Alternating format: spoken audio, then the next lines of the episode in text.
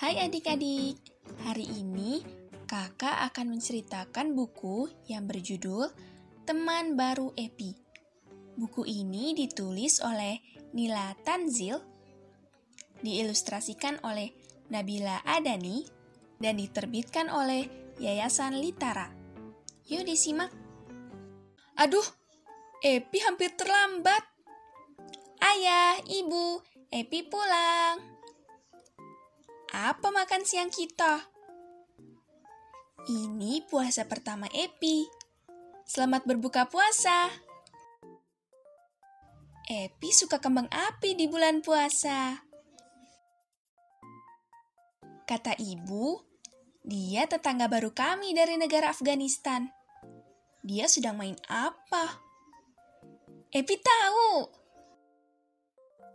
Epi juga bisa main bekel. Apa dia mau main bersama? Namanya Fatima. Dia pintar bermain bekel. Dia mengajak bermain lagi besok. Dan keesokan harinya, dan keesokan harinya,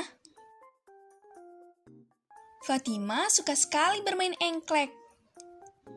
Suatu hari, keluarga Fatima datang ke rumah kami untuk berbuka puasa bersama. Ini malam terakhir di bulan puasa. Kami makan kolak pisang. Bolani itu enak sekali. Kami makan sampai kenyang.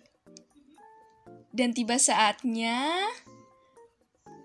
main engklek di malam takbiran.